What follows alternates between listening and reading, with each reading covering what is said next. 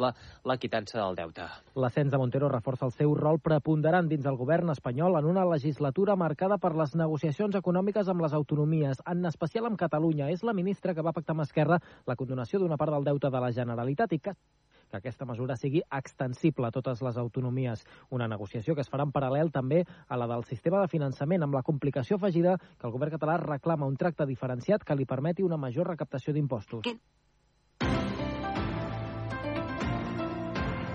Aquest informatiu de divendres, l'últim d'aquest 2023, és l'hora de fer repàs a les notícies més destacades d'aquest any. Anem al febrer, concretament el 21 de febrer, quan tenia lloc un dels fets més colpidors de l'any, la mort de l'adolescent de Sallent, que amb la seva germana Bessona va tirar-se des del balcó de casa seva i que va commocionar l'opinió pública.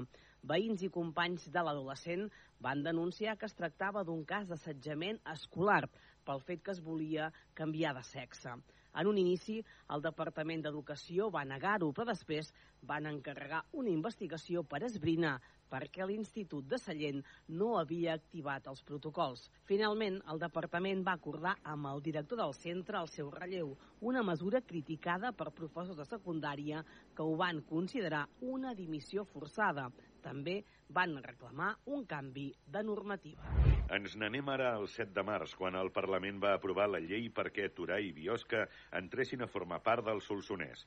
La proposició de llei va permetre segregar aquests dos municipis de la Sagarra i canviar de comarca, i van votar a favor totes les formacions, excepte Vox, que es va abstenir. Dies després, els plens municipals de Torà i de Biosca van ratificar per unanimitat i ho van qualificar de dia històric, culminant així un procés iniciat feia 13 anys i amb la creació d'una comissió que va treballar per aconseguir-ho. Un altre dels fets més tràgics del 2023 va ser el 9 de març, quan un desprendiment del sostre de la mina de potassa de Súria va provocar la mort de tres treballadors, concretament de tres geòlegs de 28, 29 i 30 anys. L'accident, el més recent de la indústria minera, va tenir lloc a uns 700 metres de profunditat i els treballs per recuperar els cossos es van allargar durant hores. L'informe intern d'ICL, l'empresa concessionària de les mines, va concloure que la tragèdia va ser imprevisible, però va admetre una errada de comunicació. De la seva banda, la investigació policial va constatar un cúmul d'errades i negligències. Hores d'ara hi ha en marxa un procés judicial per esclarir si hi ha algun tipus de responsabilitat per part de l'empresa minera. Més tragèdies. El 30 d'abril, un accident aeri entre dos ultralleugers va provocar quatre víctimes mortals a Mollà. Els dos aparells van xocar als vols de tres quarts d'onze del matí i un d'ells va quedar totalment calcinat i va provocar un petit incendi en una zona boscosa de pins.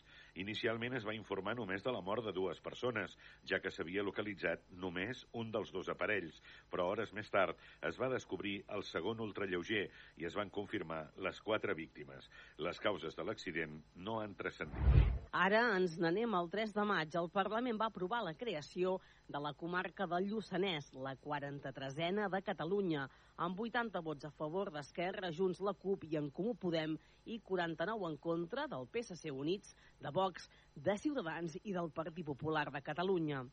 La creació del Lluçanès era una reivindicació històrica i el sí es va imposar en una consulta feta l'any 2015. El mes de maig d'aquest 2023 va estar marcat enguany per la celebració de les eleccions municipals, que ha comportat pocs canvis per als governs municipals a les capitals de comarca de la Catalunya central. A Manresa, Marc Eloi d'Esquerra va revalidar la victòria, tot i que perdent un regidor. Finalment es va optar per fer un govern tripartit amb socialistes i Impulsem. A Berga, l'alcaldia també la va mantenir la CUP amb Ivan Sánchez al capdavant, mentre que a Mollà el republicà Dionís Guiteres assolia la majoria absoluta amb 8 dels 13 regidors del consistori. Esquerra també va tornar a guanyar a Solsona, però perdent la majoria amb la nova cap de llista, Judit Gisbert. El mes de maig va haver-hi un assassinat a Manresa. Els fets van passar el dia 13. Els Mossos d'Esquadra van detenir un home per haver matat presumptament la seva parella, una dona embarassada d'uns 4 mesos. La víctima, de 31 anys, va ser trobada morta 10 dies abans al domicili on vivien junts i es va obrir una investigació. Inicialment, la policia va descartar que fos un homicidi perquè no hi havia indicis de criminalitat. Finalment, el resultat forense i la investigació va apuntar l'home com a principal sospitós. Pel que fa a l'estiu, les pluges que va haver-hi a la Catalunya central, especialment al mes de juny i principis de juliol, van apaivagar unes setmanes la greu sequera que encara patim. També, per sort, va ser un estiu sense grans incendis a casa nostra. El 18 de juliol sortia a la llum la notícia d'una falsa metgessa a Berga. Es tracta d'una dona de 30 anys de Torelló que va ser detinguda per haver treballat 7 mesos a urgències de l'Hospital de Berga sense ser doctora. Durant la investigació es va descobrir que havia treballat en 8 centres sanitaris més i com a tècnica que havia fet informes amb la firma digital d'un facultatiu i el seu número de col·legiat. També va falsejar el resguard de pagament del títol de graduada. Després de ser acomiadada de Berga, va fitxar per una empresa d'ambulàncies, també amb títol fals, si bé la van descobrir arran d'aquesta investigació. El 4 de setembre va començar a Barcelona el judici popular contra l'acusat d'haver assassinat la seva exdona asfixiant-la en paper film el 14 d'abril de 2021 a l'antic domicili familiar a Manresa, on ella vivia amb les seves filles. Durant el judici, l'acusat va dir que havia sigut fruit d'una acció explosiva i irracional i alhora que se'n penedia. Finalment, el jurat popular va declarar-lo per unanimitat culpable d'assassinat amb traïdoria i acarnissament. No ens movem del setembre, concretament el dia 11, quan es van estrenar les primeres escolanes de la història de Montserrat. Es tracta del cor mix Escola Cantorum, coincidint amb la celebració de la Diada. Està format per 29 nois i noies d'entre 17 i 24 anys sota la direcció de Pau Jorquera, sotsdirector musical de l'Escolania porten cia i roquet, la tradicional vestimenta, i se'ls considera escolans i escolanes. La diferència amb l'escolania és que no hi viuen cada dia, sinó que hi conviuran un cop al mes quan actuïn. Realment serà molt maca.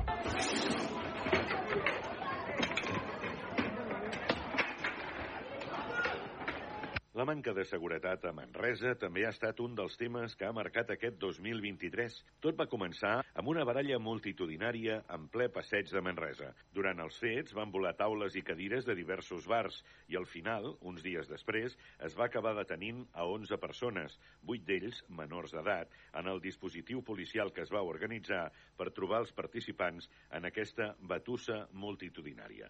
Arran d'això es van convocar dues concentracions a la capital del Bages de signe contrari. La primera contra el racisme i en suport als detinguts, on es va denunciar la vulneració de drets dels arrestats perquè la majoria eren menors, mentre que la segona també va ser en aquest cas, però per denunciar la inseguretat a la ciutat. A Vic també hi va haver, una setmana després, una altra baralla multitudinària, en aquest cas amb l'ús d'arma blanca entre dos grups, que va acabar amb quatre ferits. Es va obrir una investigació que va acabar amb tres detinguts per un presumpte delicte de lesions. El passat mes d'octubre, el govern de la Generalitat, a través de Ferrocarrils de la Generalitat de Catalunya, va adjudicar a l'empresa AIESA la redacció del projecte constructiu per la integració urbana de la línia de ferrocarrils de la Generalitat a Manresa i el seu allargament fins a la plaça d'Espanya, on es construirà la nova estació de Pere III. Aquest estudi contempla el soterrament de la línia des de l'estació de Manresa Alta, també l'enderroc de l'actual estació Manresa Baixador, l'allargament de la via 262 metres i la construcció d'una nova estació sota el passeig de Pere III. Pel que fa als esports, el Baxi Manresa a la primavera passada i després d'un molt mal inici de temporada aconseguia mantenir-se a la màxima categoria de la Lliga Estatal. El bon inici de l'actual temporada del Baxi, completament diferent de l'anterior, fa ara que molts aficionats somin en poder anar el proper mes de febrer a la Copa del Rei de Màlaga. I tot això en un final d'any on l'entitat té un nou president, Josep Maria Herms, que ha estat nomenat fa ben pocs dies. I en futbol, el Centre Esports Manresa continua donant la cara a la segona ref de futbol.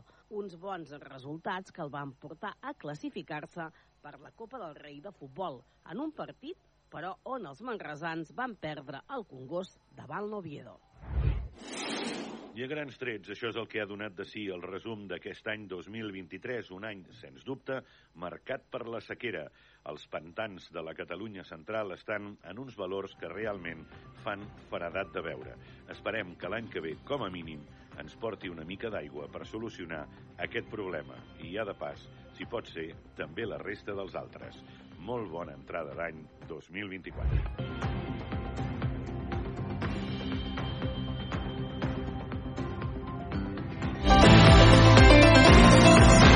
Dos y media, una y media en Canarias, si están ya en el coche o si lo van a coger en las, si lo van a coger en las próximas horas. Paciencia y prudencia. Es una de las fotografías que precede a la Nochevieja, la segunda operación salida en las carreteras de esta Navidad.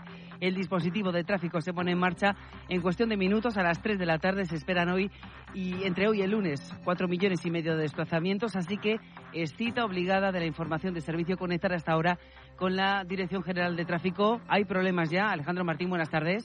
Muy buenas tardes. ¿Qué tal? En estos momentos estamos pendientes de dos alcances en Tarragona, en la P7 en Amposta, dirección Castellón, y otro alcance está complicando en Ciudad Real, la 4, a su paso por Almuradiel, dirección Córdoba. Al margen de estos alcances, tráfico lento de salida de Madrid por la 1, a su paso por Alcobendas, A3 en Rivas, A4 en Pinto, A42 en Getafe, Torrejón de la Calzada, y se complica la 5 en Móstoles en ambas direcciones. Dificultades también en Murcia, la 7 en Espinardo, en ambas direcciones. Las peores horas para viajar esta tarde de 6 a 9 y mañana de 10 de la mañana a 1 de la tarde.